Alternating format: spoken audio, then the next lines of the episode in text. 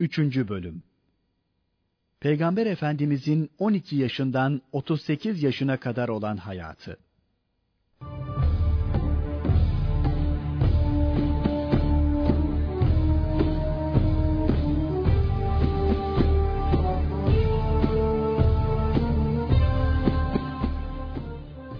Peygamberimizin amcasıyla Şam'a gidişi. Kainatın efendisi 12 yaşına girmişti. Akranları arasında artık farklı beden ve simaya sahipti. Siması etrafa pırıl pırıl nurlar saçıyordu. Gönlü huzur doluydu. Onu yanında barındıran Ebu Talip ise o sırada büyük bir geçim sıkıntısı içindeydi. Bunun için ticaretle uğraşmaya kendisini mecbur hissetmekteydi. Bu maksatla da Kureyş'in o sene tertiplediği ticaret kervanına katılarak Şam'a gitmeyi kararlaştırdı. Yol hazırlıkları yapılıyordu. Yapılan hazırlıklar Efendimizin gözleri önünde cereyan ediyordu. Haliyle çok sevdiği amcası kendisinden bir müddet ayrı kalacaktı. Ama o buna nasıl tahammül edebilirdi? Yıllar önce hem muhterem babasını hem de aziz annesini böyle iki seyahat sonunda kaybetmişti. Şimdi ise hamisi Ebu Talip böyle bir seyahate çıkacak ve günlerce kendisinden uzak bulunacaktı. Nazik ve latif ruhu bu ayrılığa nasıl dayanacaktı? Ebu Talip gibi ev halkı da kainatın efendisinin başına yolda bir şeylerin gelmesinden korktukları için bu seyahate katılmasını istemiyorlardı. Ancak o amcasıyla gitmeyi candan arzu ediyordu. Günlerce üzgün durduktan sonra amcasına açılmak zorunda kaldı. Hasret ve hüzün dolu mübarek sesiyle ona şöyle hitap etmekten kendini alamadı. Amcacığım, beni nereye ve kime bırakıp gidiyorsun? Burada ne annem var ne de babam. Bu sözlerini gözyaşlarıyla bir çiçek gibi süsleyen kainatın efendisinin derin hüzün ve üzüntüsüne değil kendisini canı gibi seven Ebu Talip en katı yürekliler bile dayanamazdı. Şefkat duygusunu coşturan bu ifadeler karşısında Ebu Talip derhal kararını değiştirdi. Artık kainatın efendisi de amcasıyla birlikte gidecekti. Efendimizin gönlü bu karardan son derece sevinçle doldu. Hazırlıklar tamamlandı ve o amcasıyla birlikte ticaret kervanına katıldı. Kervan çölleri aşağı aşağı Busra'ya vardı ve burada mola verdi. Busra, Şam'la Kudüs arasında suyu bol ve bahçelerle kaplı bir kasabaydı. Busra panayırına yakın küçük bir manastırda o sırada bir rahip yaşıyordu. Bahira bu rahip Hristiyanların o zaman hatrı sayılır bir alemiydi. Çünkü manastırda bir kitap vardı ki orada ibadete kapanan bir rahip o kitaptan okuyarak Hristiyanların en bilgili kimsesi olurdu. O güne kadar gelip geçmiş bütün rahipler de o kitaptan istifade etmişlerdi. Kureyş'in ticaret kafilesi her sene olduğu gibi bu senede rahibin bu manastırına yakın bir yerde konakladı. Gariptir ki daha önceki seneler gelen Kureyş kervanının hiçbiriyle ilgilenmeyen, konuşmayan Bahira bu sefer kafileye beklenmedik bir sürprizle yakın alaka gösterdi. Hatta kendileri için bir ziyafet tertipledi. Bu ilgi, bu ziyafet nedendi? Kafiledekileri düşündüren soru buydu. Bilgin rahip, kafilede o ana kadar gözlerini şahit olmadığı bazı garipliklere şahit olmuştu manastırda Kureyş kafilesini seyrederken bir bulutun efendiler efendisini gölgelediğini görmüştü. Kafile gelip bir ağacın altına konunca aynı bulutun ağacı da gölgelediğini, ağacın dallarınınsa o nur çocuğun üstüne adeta eğilip gölge ettiğini müşahede etmişti.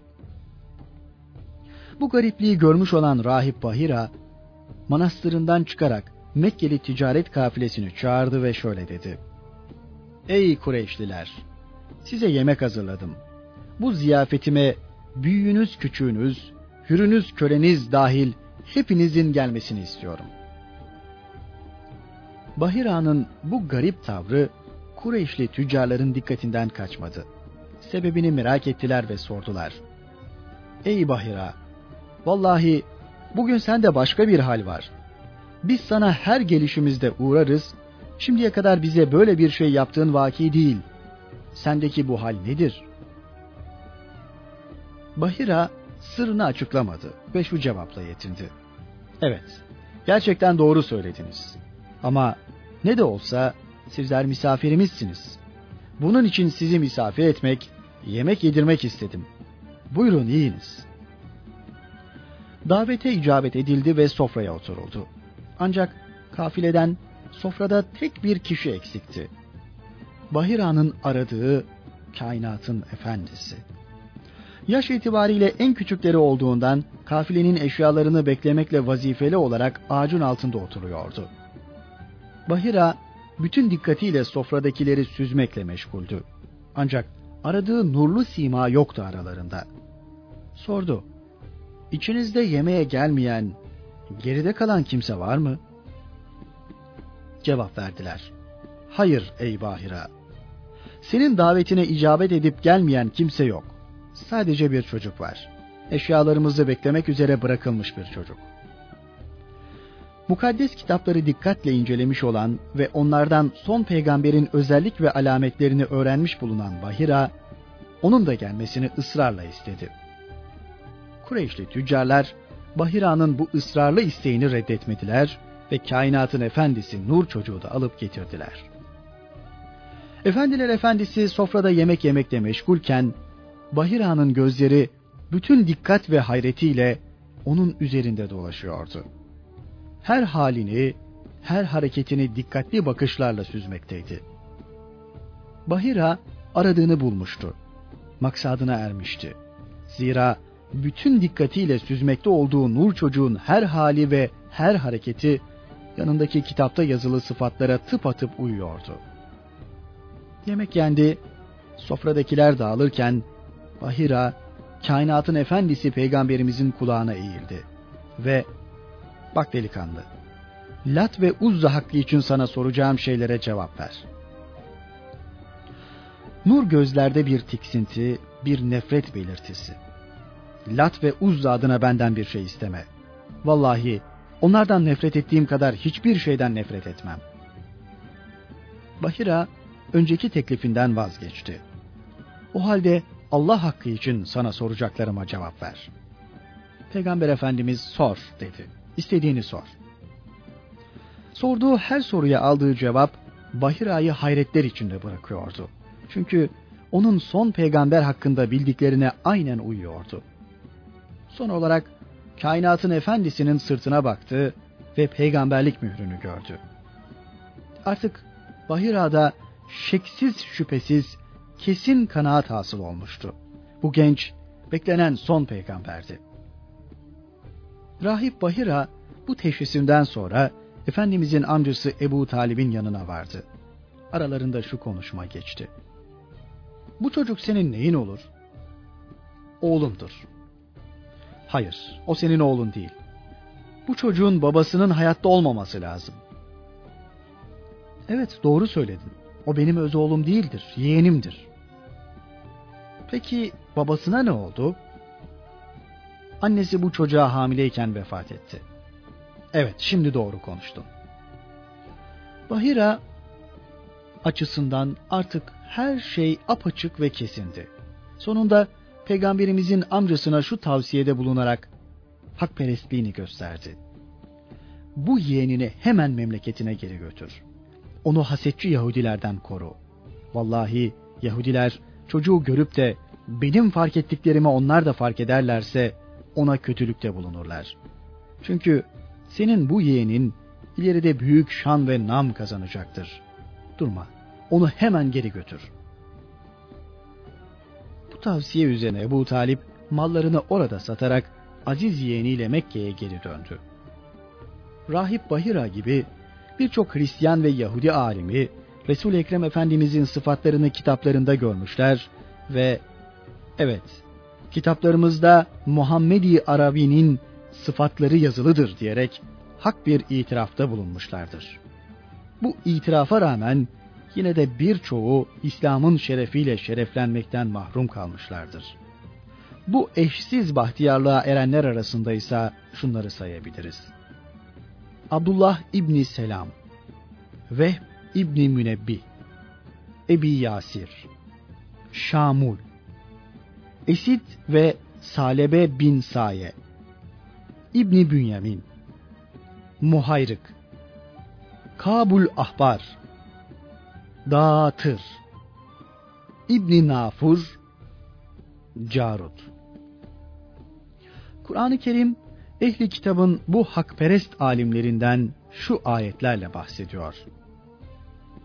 Şüphe yok ki onlar hakkı itiraf etmek hususunda büyüklenmek istemezler. Peygambere indirilen Kur'an'ı dinledikleri zaman hakkı tanımalarından dolayı gözlerinin yaşla dolup taştığını görürsün. Onlar, ey Rabbimiz, biz senin indirdiğine iman ettik. Artık sen bizi hakka şahit olanlarla beraber yaz derler. Maide suresi 82 ila 83. ayetler.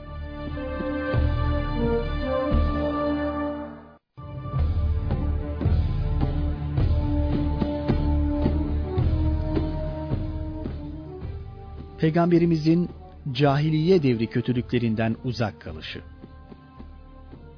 Ebu Talip bütün bu olup bitenlerden sonra nur yüzlü yeğeni peygamberimizden adeta ayrılmaz bir parça haline gelmişti. Kendisinde gittikçe kuvvet peyda eden kanaat şuydu. Bu yeğenim ileride büyük ve mühim bir şahsiyet olacaktır. Bu sebeple peygamberimiz üzerinde himayesini son derece dikkatli ve şuurlu bir şekilde sürdürüyor, adeta bir dediğini iki etmiyordu. Artık peygamberimiz de ruhu ve dış görünüşüyle eşsiz bir genç olmuştu. Kalp ve ruhundaki eşsiz fazilet ve güzellikler suretini de fevkalade güzel şekillendirmişti.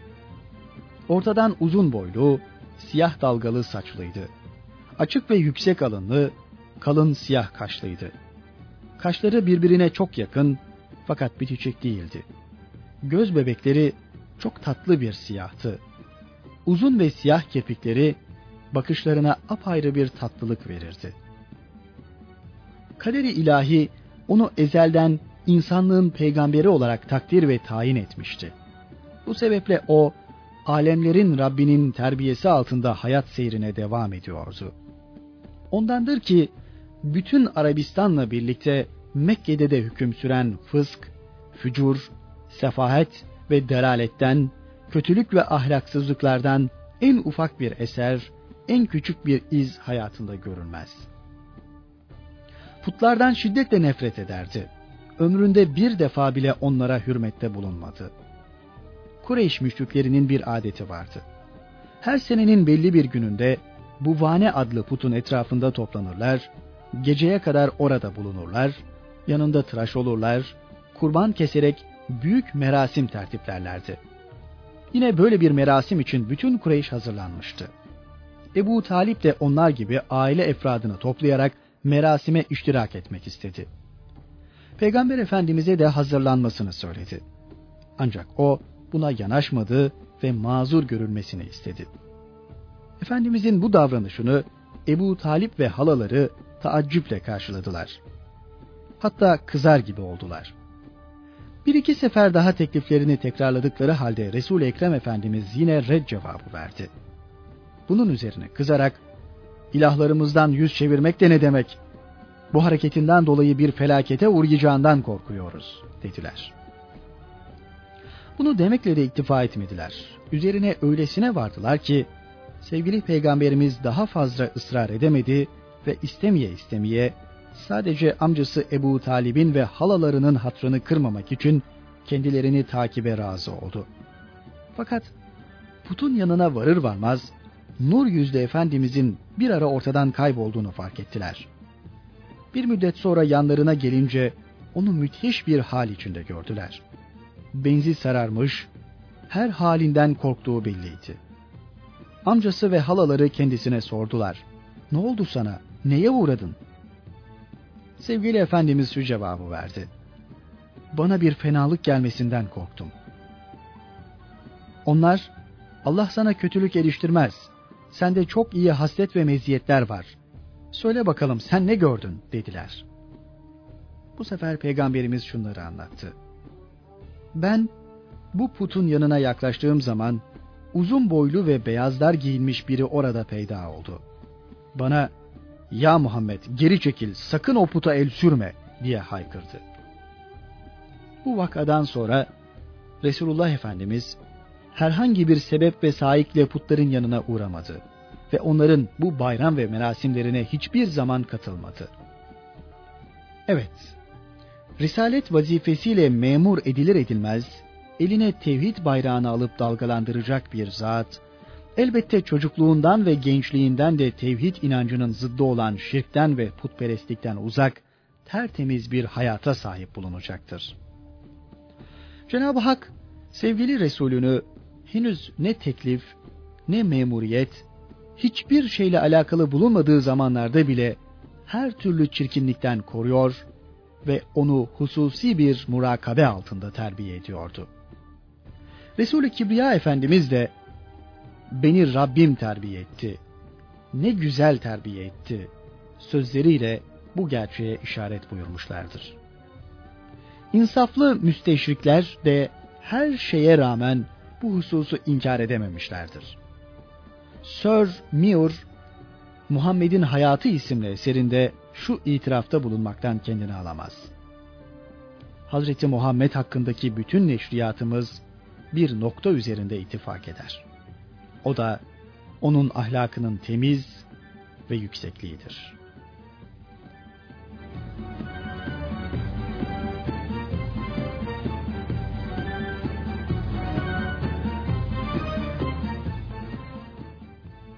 Dördüncü Ficar Muharebesi ve Efendimiz Peygamberimiz 20 yaşındayken dördüncü Ficar Muharebesi patlak verdi. İslam'dan evvel cahiliye devrinde Araplar arasında cinayetlerin, kanlı çarpışma ve şiddet olaylarının, kan davalarının ve her türlü hırsızlık ve yolsuzluk olaylarının ardı arkası kesilmiyordu. Kalpleri şefkat ve merhametten mahrum, cemiyet hakları, hak ve hukuktan uzak insanlardan birbirini kırıp geçirmekten başka zaten bir şey beklenemezdi. Muharrem, Recep, Zilkade ve Zilhicce ayları öteden beri Araplarca mukaddes aylar sayılıyordu. Bu aylarda her türlü kötülüğün işlenmesi, her türlü haksızlığın yapılması, kan dökülmesi kesinlikle yasaktı. Bunun için de haram aylar adıyla anılıyorlardı. İşte Ficar muharebeleri bu aylardan birinde vuku bulduğu ve iki taraf arasında büyük haksızlıklar, zulümler, irtikap edildiği, kan döküldüğü için bu ismi almışlardı. Araplar arasında Ficar muharebeleri dört kere meydana gelmişti. Birinci Ficar muharebesi sırasında kainatın efendisi henüz 10 yaşlarında bulunuyordu. 9 sene gibi uzun bir zaman süren bu dört muharebe aslında oldukça basit ve ehemmiyetsiz hadiseler yüzünden meydana gelmişti. Birinci Ficar Muharebesi, Gıfarilerden bir adamın Ukaz panayırında uzanmış olarak Arap'ın en şereflisi benim sözü üzerine Havazin kabilesinden birinin bunu kendisine hakaret kabul edip kılıcını çekerek övünen adamın ayağını yaralaması sebebiyle Kinane ve Havazinler arasında vuku bulmuştu. İkincisi yine Ukaz panayırında bir kadına sataşmak yüzünden Kureyş ile Havazin kabilesi arasında patlak vermişti. Üçüncüsü Kinane oğulları kabilesinden bir adamın Amir oğulları kabilesinden birine olan borcunu ödemeyip müddeti uzatması sebebiyle Kinane ve Havazin kabileleri arasında meydana gelmişti. Peygamberimizin 20 yaşlarındayken katıldığı 4. Ficar Muharebesi ise Kureyş ve Kinane oğullarıyla Kays-ı Aylan kabileleri arasında Kinaneli Barraz bin Kays adındaki adamın Kays-ı Aylan kabilesinden Urve namındaki adamı öldürmesi neticesiyle çıkmıştı. Kureyşliler Kinane oğullarının müttefiki bulunduklarından dolayısıyla bu muharebeye katılmak zorunda kalmışlardı. Ukas panayırında yapılan 4. Ficar muharebesinde Ebu Talip haram ayda olduğu ve çok zulüm işleneceğini tahmin ettiği için katılmak istememişti. Ancak Kureyş kabilesinin diğer kollarının diretmesi üzerine iştirak etmek mecburiyetinde kaldı. Muharebe sırasında Ebu Talib'in aziz yeğeni Efendimiz'i bir iki defa yanına alarak götürdüğü rivayet edilmiştir. Ancak o sadece atılan düşman oklarını toplayıp amcasına vermekle yetinmiştir. Çarpışmanın bir türlü son bulmadığını gören taraflar nihayet birbirlerine anlaşma teklif ettiler. Buna göre ölüler sayılacak, hangi tarafın ölüsü fazlaysa diğer taraf onların diyetlerini ödeyecek, böylece de harp son bulmuş olacaktı. Sayım neticesinde Kaysı Aylanların ölüleri 20 kadar fazla çıktı. Kinane oğulları ve Kureyşliler tarafından bu 20 kişinin diyeti ödenerek fil tarihinden 20 yıl sonra vuku bulan bu kanlı çarpışmada böylece nihayet buldu.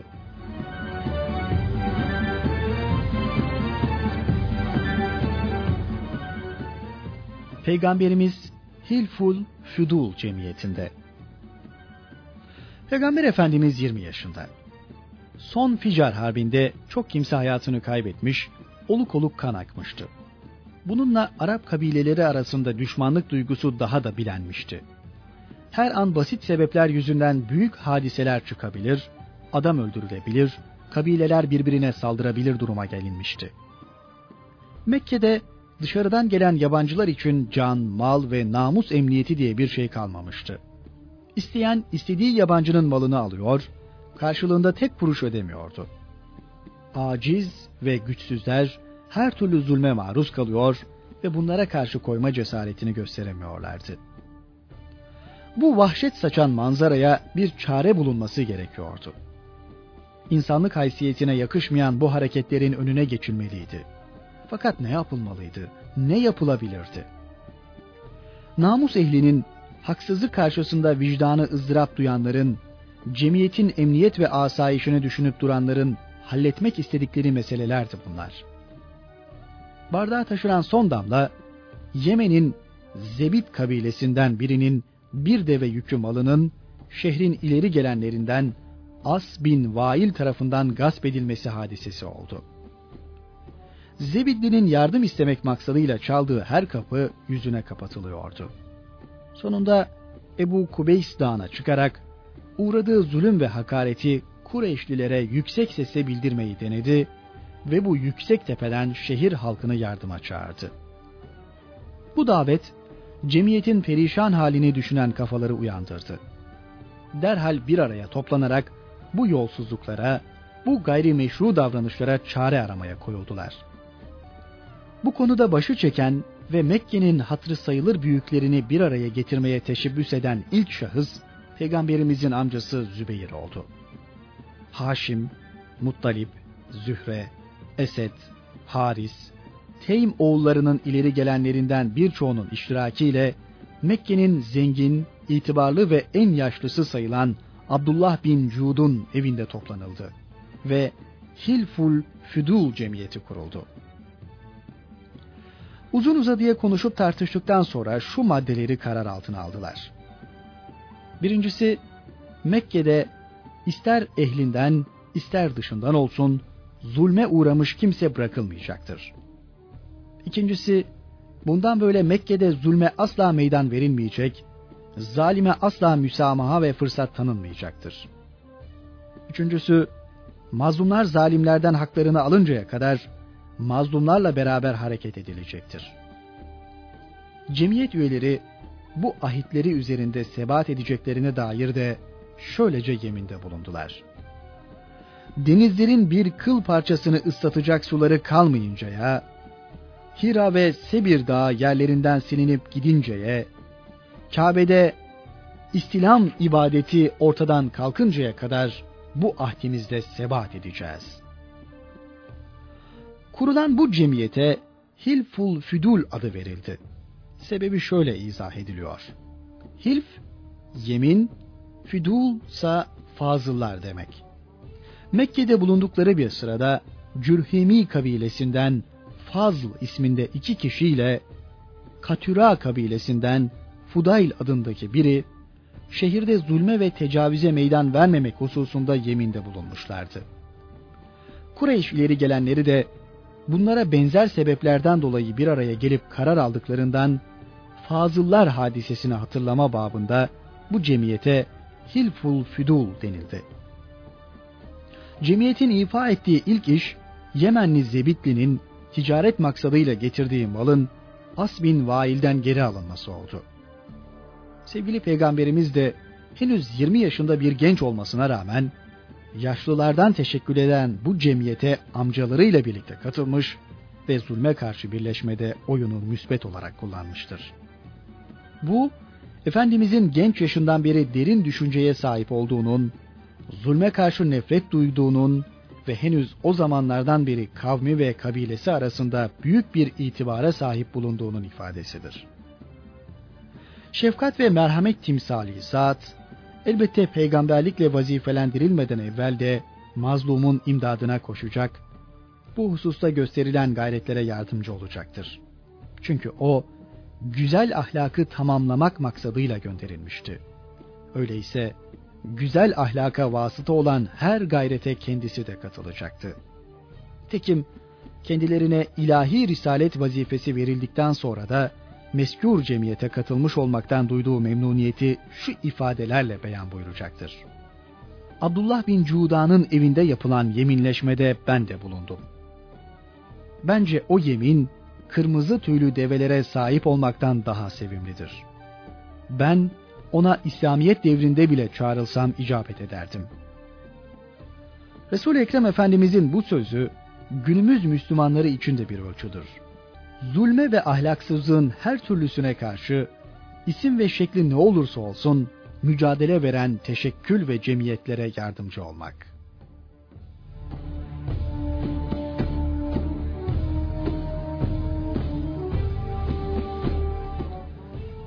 Peygamberimizin Şam'a ikinci gidişi. Mekke halkının meşguliyetleri başında ticaret geliyordu. Ebu Talip de bir müddet ticaretle uğraştı. Ancak kıtlık kuraklık yıllarının baş göstermesi, kabile savaşlarının birbirini takip etmesi ve aile efradının fazla oluşu gibi sebepler yüzünden ticaret yapabilecek mali kuvveti pek kalmamıştı. Bu yüzden Efendimiz'i de yanına alarak yaptığı Suriye seyahatinden sonra bir daha ticaret kervanlarına katılma imkanını elde edemedi. Mekke'nin içinde bazı işler yapmakla geçinip gidiyordu. Mekke'de Nebi Ekrem Efendimizin akrabalarından zengin bir dul kadın vardı. Hatice binti Hüveylid. O servetiyle ticaret kervanlarına ortak oluyordu. Peygamber Efendimiz 25 yaşında bulunduğu sırada Kureyş yine Şam'a göndermek üzere bir ticaret kervanının hazırlığı içindeydi. Bu kervana Hazreti Hatice de mallarıyla iştirak edecekti. Her seferinde olduğu gibi bu defada mallarının başında gönderecek emin ve sağlam adamlar arıyordu. Geçim sıkıntısı içinde kıvranıp duran Ebu Talip bunu duydu. Himayesinde bulunan yeğeni Nebi-i Muhterem Efendimiz'i yanına çağırarak kendisine açılmak zorunda kaldı ve şöyle konuştu. Ey kardeşim oğlu! Mal ve mülk sahibi olmadığımı biliyorsun. Şiddetli kıtlık ve kuraklık elimizi avucumuzu kuruttu. Bizde ne ticaret bıraktı ne de kalkacak, kımıldanacak güç ve derman. Bak, kavminin ticaret kervanı Şam'a gitmeye hazırlanıyor. Hüveylid'in kızı Hatice de bu kervana yükleyeceği mallarla katılacak ve mallarıyla birlikte de kavminden bazı kimseler gönderecektir. Hatice ticaretle uğraşan, serveti bol ve başkasının da bu servetten istifade etmesini isteyen bir kadındır. Senin gibi emniyet edilen temiz, vefalı bir insana onun bu konuda ihtiyacı vardır. Gidip bu hususu kendisine anlatsan, herhalde dürüstlüğün ve üstün meziyetlerinden dolayı seni başkalarına tercih edecektir.'' Bu konuşmasının ardından endişesini de üzüntü içinde belirtti. Gerçi seni Şam'a göndermekten çekiniyorum. Yahudilerin sana bir zarar vermesinden de korkuyorum. Ama ne yapayım ki? Geçimimizi temin konusunda bundan başka hatırıma gelen bir fikrim de yok. Amcasına, amcacığım sen nasıl istiyorsan öyle yap cevabında bulundu. Ebu Talip ile Resul Ekrem Efendimiz arasında geçen konuşma Hazreti Hatice'ye ulaştı. Nebi-i Mükerrem'in doğru sözlü, güvenilir, emniyetli, üstün ahlaklı olduğunu bilen Hazreti Hatice hemen haber göndererek çağırdı. Kendisine şöyle dedi. Ben seni Şam'a gidecek ticaret mallarımın başında göndermek istiyorum. Senin doğru sözlü, son derece güvenilir ve güzel ahlaklı olduğunu biliyorum. Sana kavmimden hiçbir kimseye vermediğim yüksek bir ücret vereceğim. Peygamber Efendimiz teklifi amcası Ebu Talib'e haber verdi. Buna son derece sevinen amcası, bu Allah'ın sana ihsan ettiği bir rızıktır diye konuştu. Ebu Talip, ücreti tayin etmeden yola çıkılmasını münasip görmediğinden, Efendimiz'e gidip bizzat Hazreti Hatice ile bu hususu konuşmasını söyledi. Ancak Peygamber Efendimiz bunu istemediğini belli etti. Bunun üzerine Ebu Talip kendisi bizzat giderek Ey Hatice! Biz işittik ki sen filanı iki erkek deve vermek üzere tutmuşsun. Biz Muhammed için dört erkek deveden aşağısına razı olmayız. Efendimiz gibi son derece itimat edilir birini bulan Hazreti Hatice sevinç içinde Ey Ebu Talip! Sen çok kolay ve hoşa gidecek bir ücret dilemiş bulunuyorsun. Bundan daha fazlasını isteseydin bile ben yine kabul ederdim. Haliyle Ebu Talip bu sözlerden fazlasıyla memnun oldu. Hazreti Hatice kölesi Meysere'yi de Resulullah Efendimizin emrine verdi ve ona şu tembihte bulundu. Sana ne emrederse derhal itaat edeceksin. Hiçbir fikrine karşı aykırı iş görmeyeceksin. Bir dediğini iki etmeyeceksin ve her halini bana bildireceksin. Kervanın yola çıkması için bütün hazırlıklar tamamlandı. Ebu Talip ile Efendimizin halaları da onu uğurlamaya geldiler ve kervanda bulunanlarla onunla ilgilenmelerini rica ettiler. Ve kervan yola çıktı. Ticaret kervanı üç aylık yorucu bir yolculuktan sonra Şam topraklarına vardı. Kervana iştirak edenlerin her biri Busra panayırının münasip yerlerine tezgahlarını kurdular. Kainatın efendisi ise oradaki manastıra yakın bir zeytin ağacının altındaydı. Efendimizin daha önceki Şam seyahati sırasında manastırda bulunan rahip Bahira, ölümüyle yerini Nastura adındaki rahibe bırakmıştı.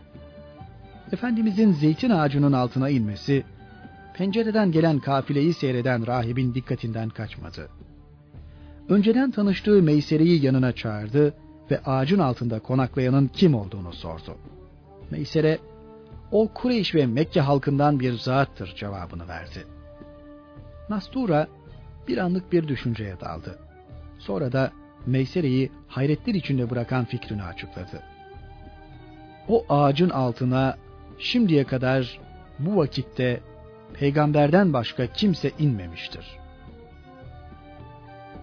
Daha sonra Meysere'ye şu suali yöneltti. Onun gözünde biraz kırmızılık var mıdır?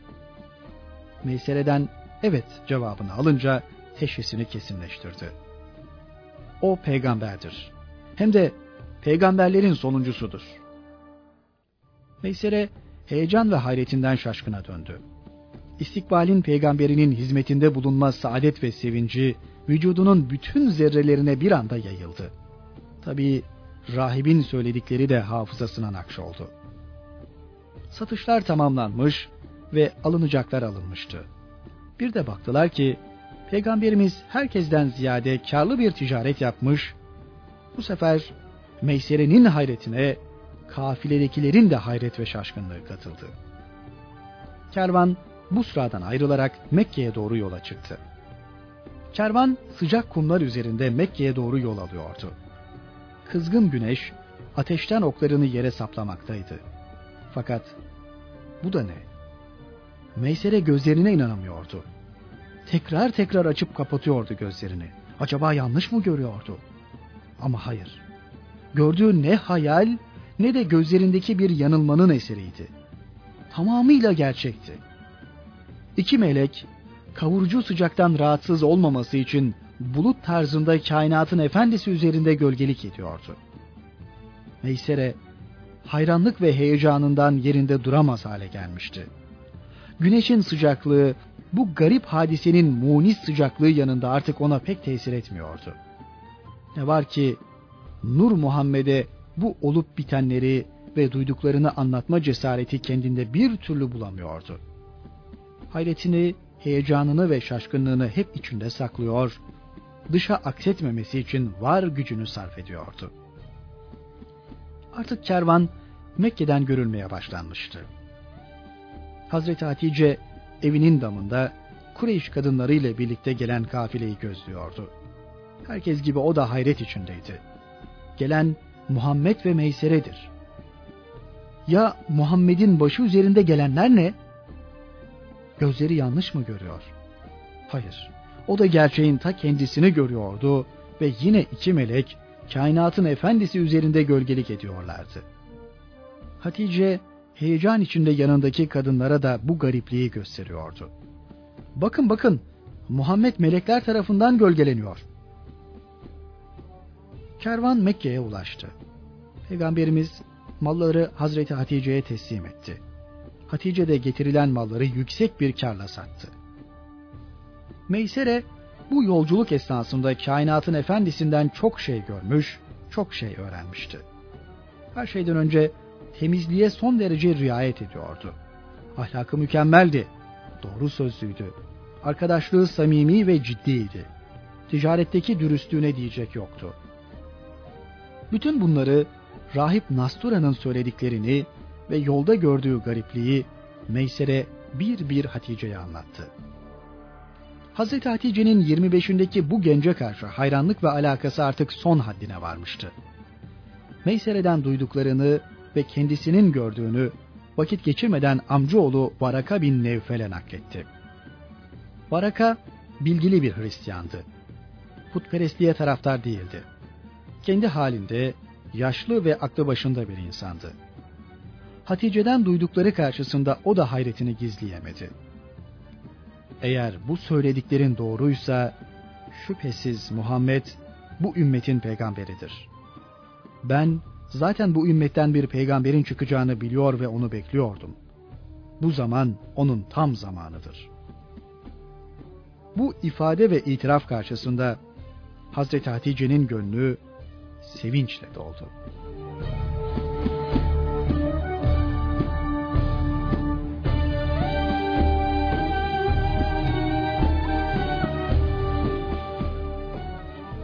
Peygamberimizin Hazreti Hatice ile evlenmesi. Hazreti Hatice kainatın efendisini çocukluğundan beri tanıyordu. Ticaret mallarının başında Şam'a göndermesi ise onu daha da yakından tanımasına vesile olmuştu.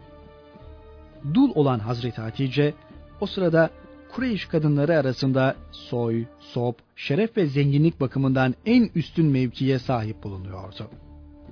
Aynı zamanda Cenab-ı Hak Cemil ismiyle pek az kadına nasip olacak bir güzelliği de kendisine ihsan etmişti. O ana kadar kabilesinden birçok kimse evlenmek için kapısını çalmışsa da o bunların hiçbirini kabul etmemişti. Adeta evlenmeyi düşünmüyor gibiydi. Ne var ki kader şimdi karşısına bambaşka bir şahsiyet çıkarmıştı. Ruhundaki güzellikler yüzüne aksetmiş, gönlündeki sevgi simasında tebessüme kalbolmuş, zihnindeki derin düşünce dışarıya ciddiyet ve samimiyet şeklinde tazahür etmiş müstesna bir insan. Daha önce bütün Kureyş büyüklerinin evlenme teklifini reddeden ve adeta evlenmek fikrini zihninden atmış bulunan Hazreti Hatice, bu eşsiz insanla daha yakından tanışınca bu fikrinden vazgeçti. İlahi kader bu iki insanın kalbini birbirine ısındırmayı takdir etmişti. Her şeye rağmen Kureyş'in ileri gelenleri ve zenginleri kaderin çizmiş olduğu bu programı bozamamışlardı. Evlenme teklifi bizzat Hazreti Hatice'den geldi. İffeti ve namusunu koruması sebebiyle cahiliye devrinde bile tertemiz kadın manasına gelen Tahire lakabıyla anılan Hazreti Hatice'den. Teklifi getiren Hazreti Hatice'nin yakın arkadaşı Münye kızı Nefise ile Peygamberimiz arasında şu konuşma geçti. Ey Muhammed! Seni hangi şey evlenmekten alıkoyuyor? Elimde evlenecek kadar para yok. Eğer bu temin edilse ve sen mala, güzelliğe, şeref ve denkliğe çağrılsan icabet eder misin? Kimdir bu? Hüveylid'in kızı Hatice. Ama bu nasıl olabilir? Orasını ben bilirim. O halde dilediğini yaparım. Nefise sevinç içinde kainatın efendisiyle konuştuklarını gelip Hazreti Hatice'ye iletti. Hazreti Hatice'nin sonsuz memnuniyeti yüzündeki tebessümlerden okunuyordu. Nefise ile birlikte sevinç ve memnuniyetlerini yaşadıktan sonra peygamberimize ey amcaoğlu sen benim akrabam olduğun kavmin içinde şerefli, güvenilir kimse, güzel huylu, doğru sözlü bulunduğun için seninle evlenmeyi arzu ediyorum diye haber gönderdi. Teklifi alan Efendimiz durumu amcası Ebu Talib'e bildirdi. Ebu Talip teklifi tahkik etti. Hazreti Hatice'nin böyle bir evliliği arzu ettiğini bizzat kendisinden öğrendi. Düğün merasiminin tarihi bizzat Hazreti Hatice tarafından tespit edildi. Merasim de onun evinde yapılacaktı. Tespit edilen tarihte Resul-i Ekrem Efendimiz amcaları, halaları ve Haşimoğullarının ileri gelenlerinden bazılarıyla birlikte Hazreti Hatice'nin evine geldi. Güzel bir düğün merasimi için gereken her şey bizzat Hazreti Hatice tarafından temin edilmişti. Koyunlar kesilmiş, yemekler hazırlanmıştı. Yemekler yendikten sonra adet olduğu üzere sıra iki taraf büyüklerinin konuşmasına geldi. Hazreti Hatice'nin babası Ficar Harbi'nde ölmüştü. Bu sebeple onu temsilen merasime amcası Amr bin Esed katılmıştı. Geleneğe göre ilk konuşmayı yapmak üzere Ebu Talip ayağa kalktı ve şöyle dedi. Allah'a hamdolsun ki bizi İbrahim'in zürriyetinden, İsmail'in sülbünden, Maad'ın madeninden, Mudar'ın aslından vücuda getirdi. Bundan sonra asıl maksada gelir ve derim ki, kardeşimin oğlu Muhammed bin Abdullah ki akrabanız olduğu malumunuzdur. Onunla Kureyş'ten hiçbir genç tartılamaz, ölçülemez. Bu şeref ve asaletçe, akıl ve faziletçe onların hepsinden üstün gelir. Gerçi malı azdır. Fakat mal dediğin nedir ki? Geçici bir gölge, bir perde, alınır verilir iğreti bir şey. Allah'a yemin ederim ki bundan sonra onun mertebesi daha da büyüyecek, daha da yükselecektir. Şimdi o sizden kızınız Hatice'yi zevceliğe istemekte, muaccel ve müeccel mehir olarak da 20 erkek deve vermeyi taahhüt etmektedir. Ebu Talip konuşmasını bitirince de Hazreti Hatice'nin amcasının oğlu Varaka bin Nevfel ayağa kalktı ve şöyle konuştu. Allah'a hamdolsun ki bizi de anlattığın gibi yarattı. Saydıklarından daha fazlasıyla bize üstünlük verdi. Biz de sizinle hısımlık kurmak ve şereflenmek istiyoruz. Ey Kureyş topluluğu! Şahit olunuz ki ben Huveylid'in kızı Hatice'yi şu kadar mehirle Muhammed bin Abdullah'la evlendirdim. Varaka bin Nevfel konuşmasını bitirdikten sonra Ebu Talip, Hazreti Hatice'nin amcası Amr bin Esed'in de muvaffakatını istedi. Amr da ayağa kalkarak, Ey Kureyş topluluğu! Şahit olunuz ki ben de Muhammed bin Abdullah'a Hüveylid'in kızı Hatice'yi nikahladım diye konuştu. Böylece kainatın serveri Efendimizle Kureyş kadınlarının mezhep, şeref ve zenginlik bakımından en üstünü bulunan Hüveylid'in kızı Hazreti Hatice-i Kübra, zevç, zevce ilan edilmiş oldular. O sırada Resul Ekrem Efendimiz 25, Hazreti Hatice ise 40 yaşlarında bulunuyordu. Evlilikleri miladi tarihle 595 yılına rastlıyordu. Yani Efendimizin nübüvvetinden 15 yıl önce. Bundan sonra Resul-i Ekrem Efendimiz muhterem zevcesini alarak Ebu Talib'in evine geldi. Burada velime yani düğün cemiyeti yaptı. İki deve kestirerek halka yemek ziyafeti verdi. Ebu Talip de bu mes'ud hadisenin hatrı için develer kestirdi ve halka yemekler yedirdi. Sonra da peygamberimizle ailesini evine davet etti. Onları karşılamaya çıktığında sevinç gözyaşları arasında Allah'a hamd ediyordu. Hamdolsun Allah'a ki bizden bütün üzüntüleri yok etti. Efendimizle ona ilk hanım olma şerefini kazanmış bulunan Hazreti Hatice, Ebu Talib'in evinde ancak birkaç gün kaldılar. Sonra tekrar Hazreti Hatice'nin evine döndüler. Artık mesut hayatlarını burada geçireceklerdi. Kainatın efendisi peygamberimiz kendisine Hatice-i Kübra dediği bu asil ve tahire kadın hayatta olduğu müddetçe başka bir kadınla evlenmedi. Her türlü teselliyi ve en parlak saadeti bu huzurlu evinde buldu. Peygamber Efendimiz'e babasından miras olarak pek bir şey kalmamıştı. Uzun zamandır himayesinde bulunduğu Ebu Talip ise fakir ve zaruret içindeydi. Bu bakımdan Hazreti Hatice ile evleninceye kadar bin bir meşakkat ve zahmet içinde hayat sürmüştü. Hazreti Hatice ile evlendikten sonra onun servetini ticarette kullandı ve bir derece genişliğe kavuştu. Fakat zevcesi bol servet sahibiyken o yine israfa, gösteriş ve lükse kaçmadı. Eski mütevazi ve sade hayatına yakın bir yaşayışı devam ettirdi. Üstelik dünya malına da kalbinde yer vermiyordu. Onun o yüce ruhu bambaşka ulvi ve kutsi duygular tarafından istila edilmişti. Dünya ve içindekilerin muhabbeti o ulvi duyguları söküp atmaya hiçbir zaman muktedir olamıyordu. Daha sonra Hazreti Hatice-i Kübra'dan Resul Ekrem Efendimizin sırasıyla Kasım, Zeynep, Rukiye, Fatıma, Ümmü Gülsüm, Abdullah Tayyip ve Tahir adında yedi çocuğu oldu.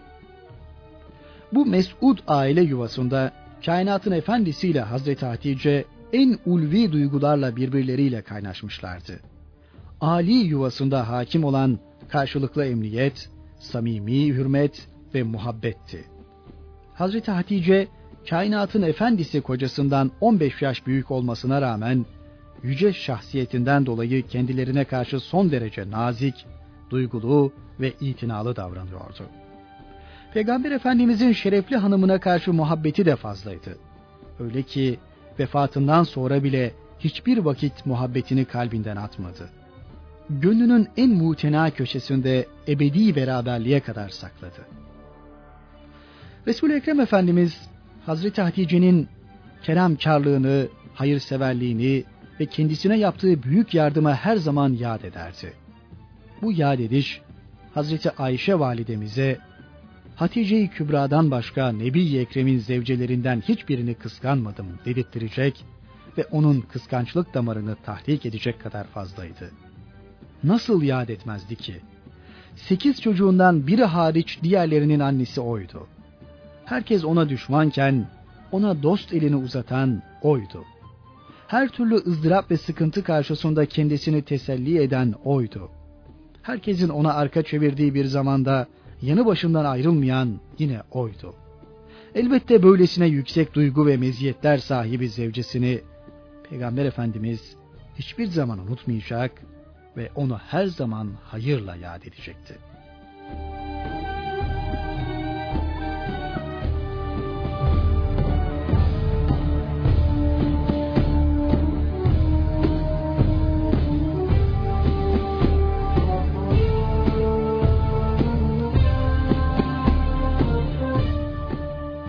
Peygamber Efendimizin Zeyd bin Harise'yi azat etmesi.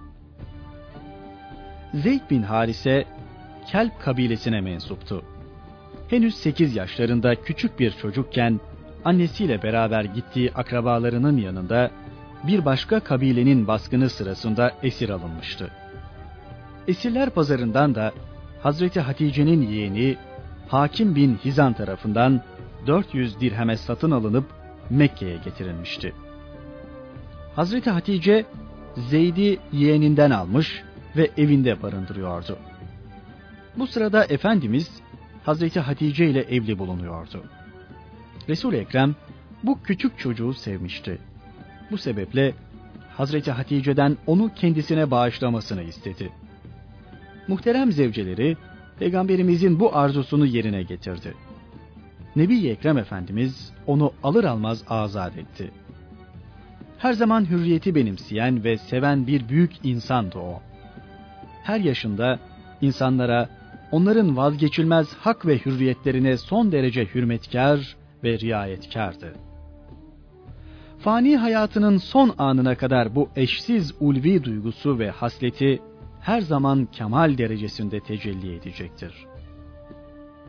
Zeyd, belirttiğimiz gibi henüz küçük bir çocuktu. Ebeveyni onun nereye götürüldüğünü, kime satıldığını bilmiyordu. Harise ailesi çocukları için her gün gözyaşı döküyordu. Babası Harise evde duramaz olmuştu. Diğer diğer dolaşıyor, sormadık kabile ve uğramadık yurt bırakmıyordu. Biricik oğlu Zeyd için şiirler söylene söylene geziyordu. Küçük Zeyd ise sanki anne babasını unutuvermişti.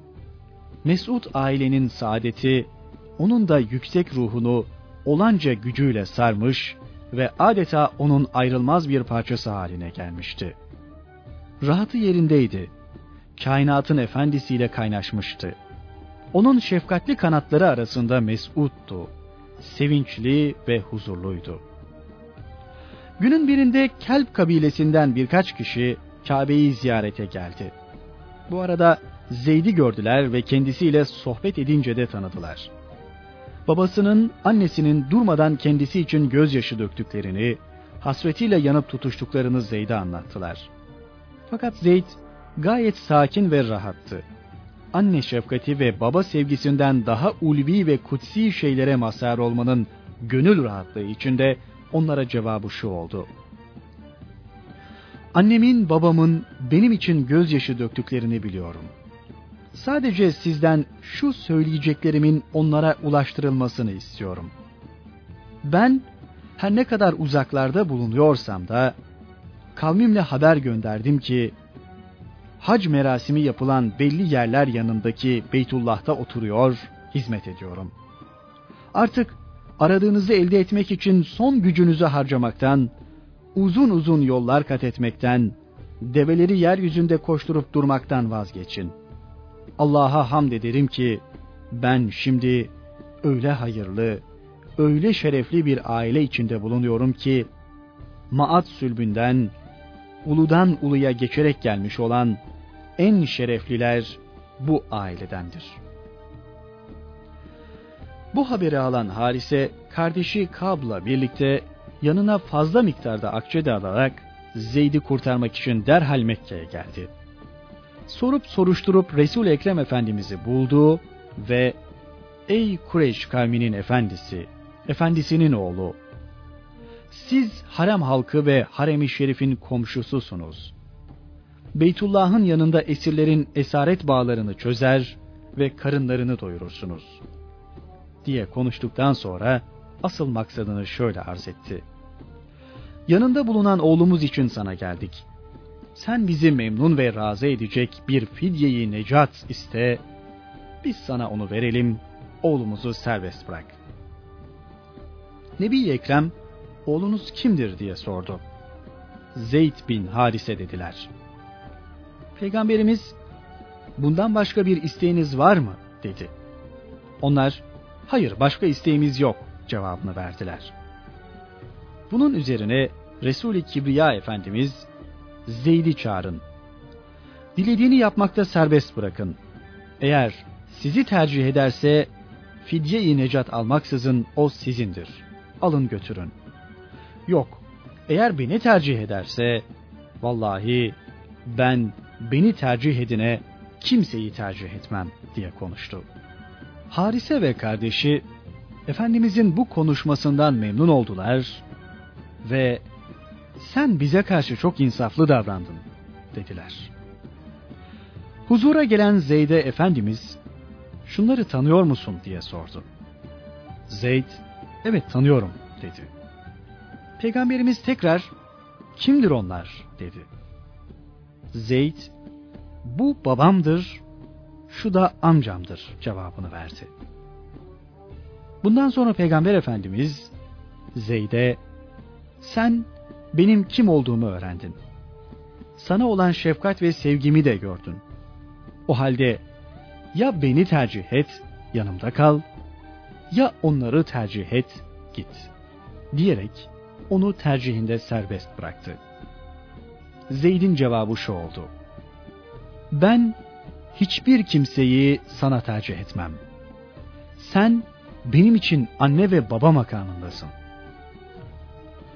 Oğlunun bu cevabı karşısında şaşıran ve sarsılan baba Harise hiddetle yazıklar olsun sana dedi. Demek ki sen köleliği hürriyete, anne babana, amcana ve ev halkına tercih ediyorsun. Fakat Zeyd babasıyla aynı kanaatte değildi. Babacığım, ben bu zattan öyle şeyler gördüm ki kendisine hiçbir zaman bir kimseyi tercih edemem dedi. Küçük Zeyd böylece Resul Ekrem Efendimize olan sadakat ve bağlılığını ispatlamıştı. Kader ona nurlu ve parlak bir istikbal hazırlıyordu. Bu hali onun ilk müjdesiydi. Peygamber Efendimiz Zeyd'e bu eşsiz bağlılığın mükafatını vermede gecikmedi. Hemen elinden tutarak onu Kureyş'in oturduğu Hıcır mahalline götürdü. Ve halka şöyle hitap etti. Ey hazır bulunanlar! Şahit olunuz ki bundan böyle Zeyd benim oğlumdur. Ben ona varisim, o da bana varistir. Mekkeliler birini evlat edinmek istedikleri zaman böyle yaparlardı. Efendimiz de onların bu adetine uyarak Zeyd'i böylece kendine evlat edinmiş oldu. Peygamber Efendimizin bu güzel davranışı, şaşkın ve dalgın duran Harise'nin mahzun gönlünde sevinç rüzgarı estirdi. Demek ki oğlu emin bir elde bulunuyordu. Gönül huzuru içinde Harise, oğlunu kainatın efendisinin yanında bırakarak yurduna döndü. Bundan sonra Mekke'de herkes Zeyd'i Muhammed'in oğlu Zeyd diye çağırmaya başladı. Efendimiz peygamberlik vazifesiyle memur edilip vahiy gelmeye başlayınca evlatlıkların kendi öz babalarının adlarıyla çağrılmaları emredildi. Bunun üzerine Hazreti Zeyd babasının ismiyle Harise oğlu Zeyd diye çağrıldı. Bu konuda ayeti kerimede mealen şöyle buyrulur. Evlatları babalarına nispet ederek çağırın. Allah katında bu daha doğrudur. Eğer babalarını bilmiyorsanız onlar dinde kardeşleriniz ve dostlarınızdırlar. Kendilerini kardeşim veya dostum diye çağırın. Ahzab suresi 5. ayet. Hazreti Ömer'in oğlu Abdullah bu hususu şöyle ifade etmiştir. Biz evlatları babalarının adıyla çağırın ayeti ininceye kadar Zeyd'i Harise oğlu Zeyd diye değil Muhammed oğlu Zeyd diye çağırırdık. Ayrıca bu ayetle evlatlıkların evlat edinen kimseye varis olması hükmü de ortadan kaldırıldı. Hazreti Zeyd, Efendimiz'e peygamberlik vazifesi verildikten sonra Hazreti Hatice ve Hazreti Ali'yi müteakip derhal İslam'ın sinesine koşacak ve üçüncü Müslüman olma şerefine erecektir. Resul-i Kibriya Efendimiz Hazreti Zeyd'i fazlasıyla severdi. Zaman zaman kendisine ''Ey Zeyd, sen kardeşimiz ve azatlımızsın'' diyerek iltifatta bulunurdu. Resul-i Ekrem daha sonra çok sevdiği bu büyük insanı dadısı Ümmü Eymen'le evlendirecektir ve bu evlilikten yine çok sevdiği ve çok zaman terkisinde taşıdığı Üsame Hazretleri dünyaya gelecektir.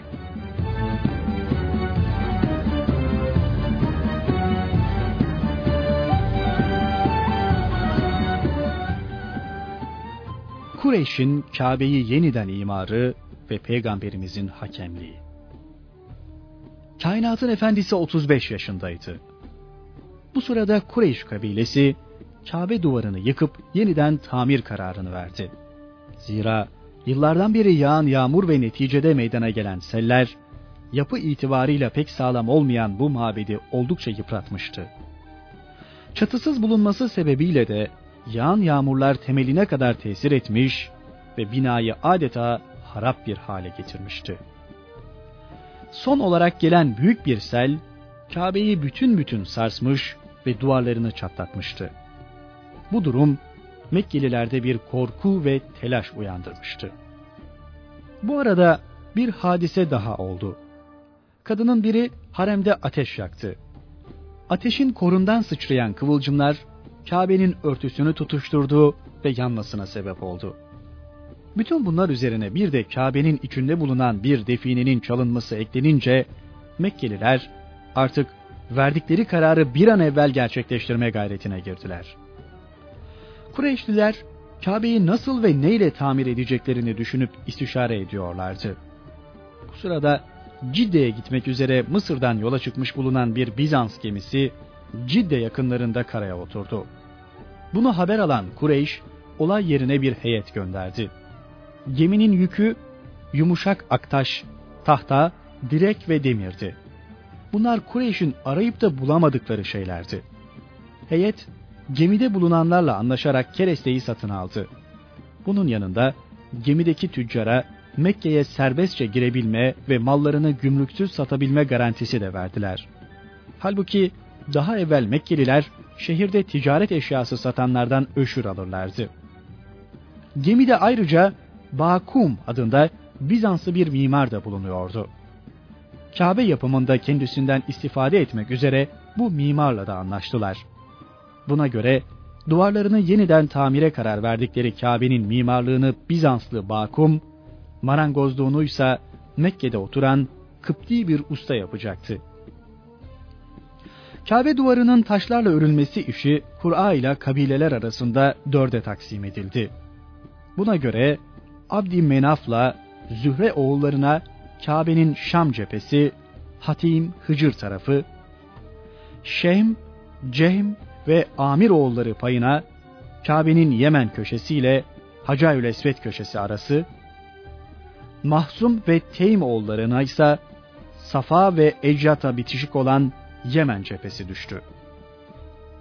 Her kabile kendisine düşen tarafı yıkıyordu. Hazreti İbrahim'in attığı temele kadar inildi. Bundan sonra birbiriyle kaynaşmış deve sırtı gibi yeşil yeşil taşlar görülmeye başlandı. Niyetleri daha da aşağı inmekti. Ne var ki buna muvaffak olamadılar.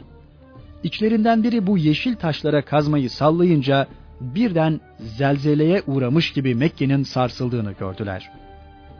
Herkese bir korku ve telaş başladı. Bundan sonrasını yıkmaya müsaade bulunmadığını anlayıp kazdıklarıyla ittifa ettiler. Herkes kendisine düşen taraf için taş taşıyor ve duvarlar örüyordu. Ancak bu mübarek taşı yerine koymada kabileler arasında anlaşmazlık çıktı. Her kabile kendisini diğer kabilelerden bu hususta daha layık görüyordu. Kabile taassubunun bütün şiddetiyle hüküm sürdüğü bir zamanda hangi kabile bu şerefi başkasına kaptırmak isterdi? İş kızıştı. Tartışma ve münakaşa son derece sertleşti. Öyle ki birbirleriyle vuruşacaklarına dair yemin bile ettiler. Ortalığı bir kargaşalık kaplamıştı. Her an çarpışma bekleniyordu. Çarpışma vuku bulursa çok kişi hayatını kaybedebilir, çok mal telef olabilirdi. Bu duruma bir çare bulmak gerekiyordu. 4-5 gün Kabe'nin duvarlarına tek taş koymadan Kureyş kabileleri bekleyip durdular. Sonra tekrar Mescid-i Haram'da toplandılar. Birbirleriyle konuştular, tartıştılar. Bu arada kabileleri uzlaşmaya davet edenler de vardı kanlı bir hadisenin kopması her an beklenirken, Kureyş'in en yaşlılarından Ebu Ümeyye diye bilinen Huzeyfe bin Muire ortaya atıldı ve taraflara şu teklifi sundu. Ey Kureyşliler! Anlaşamadığınız şu işte mabedin şu kapısından Beni Şeybe kapısını eliyle işaret ederek ilk girecek zatı aranızda hakem yapın. O kimse bu işi bir neticeye bağlasın.'' Ebu Ümeyye'nin beklenmedik bu teklifi taraflarca tereddütsüz kabul gördü. Artık bütün gözler Beni Şeybe kapısındaydı. Acaba kim çıkacaktı? Ve kabilelerin anlaşmazlığına nasıl bir çareyle son verecekti? Hiçbir kabilenin gönlünü kırmadan bu işi nasıl halledecekti? Merak dolu bakışlar mescidin meskûr kapısını dikkatle süzmekteydi. Kapıdan bir zat belirdi uzaktan fark ettiler. Kendisine mahsus boyu posu ve yürüyüşüyle vakar içinde gelen bu zatı derhal tanıdılar ve sevinç içinde bağırdılar.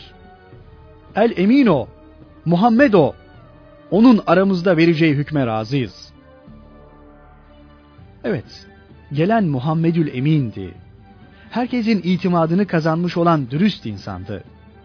Bu sebeple merak dolu bakışlar birden sevinç bakışlarına döndü.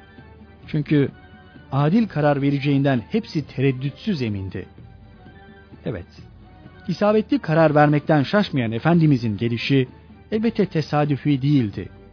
Vereceği hükümle onlara peygamberliğinden önce de isabetli görüşe, derin düşünceye sahip olduğunu tasdik ettirecekti. Kureyş durumu kendilerine anlattı. Kalbi gibi zihni de tertemizdi Efendimizin. İsabetli kararı vermekte gecikmedi ve şu emri verdi. Hemen bana bir örtü getiriniz. Anında getirdiler. Bir rivayete göre bu Velid bin Muire'nin elbisesiydi. Diğer bir rivayete göre ise Efendimiz bizzat kendi ridasını bu işte kullandı. Kainatın efendisi getirilen örtüyü yere serdi. Küçük büyük herkesin dikkatli bakışları Efendimizin üzerinde toplanmıştı. O örtüye ne yapacaktı? Merakları fazla sürmedi ve sevgili peygamberimiz Hacerül Esved'i bu örtünün ortasına koydu. Sonra da her kabileden bir kişi bunun birer köşesinden tutsun diye emretti. Öyle yaptılar. Hacerül Esved'i örtüyle konulacak yere kadar kaldırdılar. Ve Resul-i Kibriya Efendimiz bizzat Hacerül Esved'i kendi eliyle yerine koyarak bu şerefe nail oldu. Bundan sonra duvar örülmeye başlandı ve kısa zamanda tamamlandı. Böylece Allah Resulü ilahi mevhibenin bir eseri olan isabetli kararıyla kabileler arasında büyük bir kanlı çarpışmayı önlemiş oldu. Bu kararıyla sevgili peygamberimiz kendisinden çok daha yaşlı ve haliyle tecrübeli bulunanlardan bile daha isabetli görüşe, daha kuvvetli muhakemeye ve daha ziyade zekaya sahip bulunduğunu, aynı zamanda ilahi bir kuvvetle teyit edildiğini ortaya koymuş oluyordu.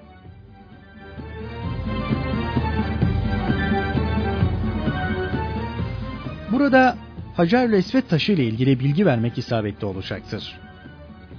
Renginin siyah olması sebebiyle Hacer Esvet, siyah taş diye adlandırılmış bulunan bu mübarek taş, Kabe'nin şark köşesinde olup, yerden bir buçuk metre yükseklikte, kapıya yakın bir yere yerleştirilmiş, üç büyük ve birkaç tane de küçük parçadan müteşekkildir. Etrafı gümüş bir halka ile çevrilidir. Bir başka ismi Ruhul Esved'dir. Bu mübarek taş semavi bir taş olup Hazreti İbrahim'e Hazreti Cebrail tarafından getirilmiştir. Kabe duvarına yerleştirilmeden evvel Ebu Kubeys dağında muhafaza edilmekteydi. Bir rivayete göre Peygamber Efendimizin ben peygamber gönderilmeden evvel Mekke'de bana selam veren taşı hala biliyor ve tanıyorum ifadelerinin işaret ettiği taş bu Hacerül Esved'dir. Bir gün bu taşa yaklaşıp öpen Hazreti Ömer şöyle demişti. Çok iyi bilirim ki sen zararı ve menfaati olmayan bir taş parçasısın. Eğer Resulullah'ın seni takbil ettiğini, öptüğünü görmeseydim asla seni takbil etmezdim.''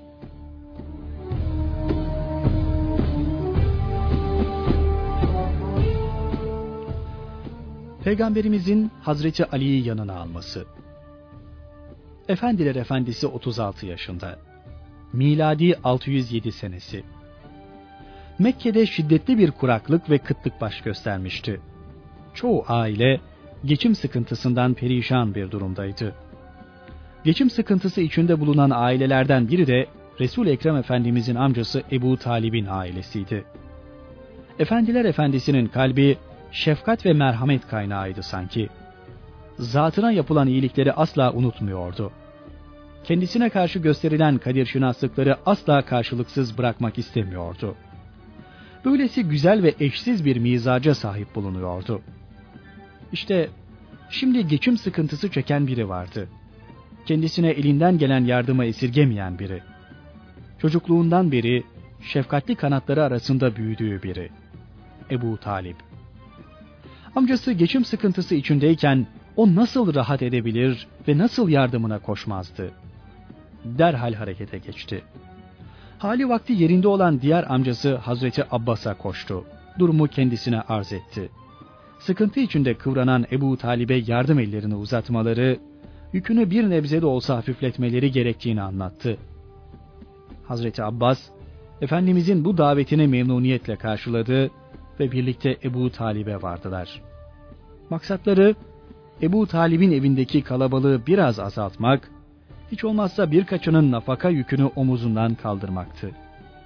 Maksatlarını Ebu Talib'e açınca, o bundan memnuniyet duydu ve sonunda Efendimiz ismini bizzat koyduğu Hazreti Ali'yi, Hazreti Abbas da Hazreti Cafer'i himayesine aldı.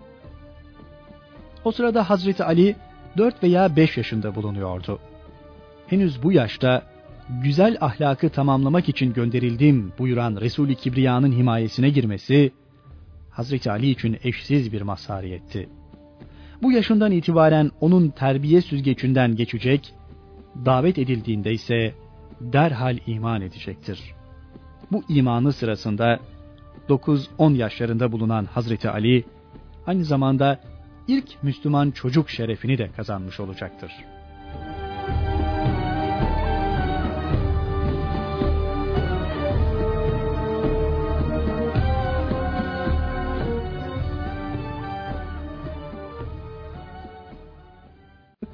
Ebu Talib'in evindeki kalabalığı biraz azaltmak, hiç olmazsa birkaçının nafaka yükünü omuzundan kaldırmaktı.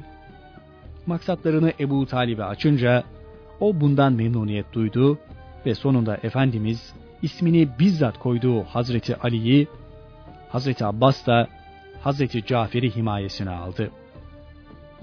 O sırada Hazreti Ali 4 veya 5 yaşında bulunuyordu. Henüz bu yaşta güzel ahlakı tamamlamak için gönderildim buyuran Resul-i Kibriya'nın himayesine girmesi, Hazreti Ali için eşsiz bir mazhariyetti. Bu yaşından itibaren onun terbiye süzgecinden geçecek, davet edildiğinde ise derhal iman edecektir.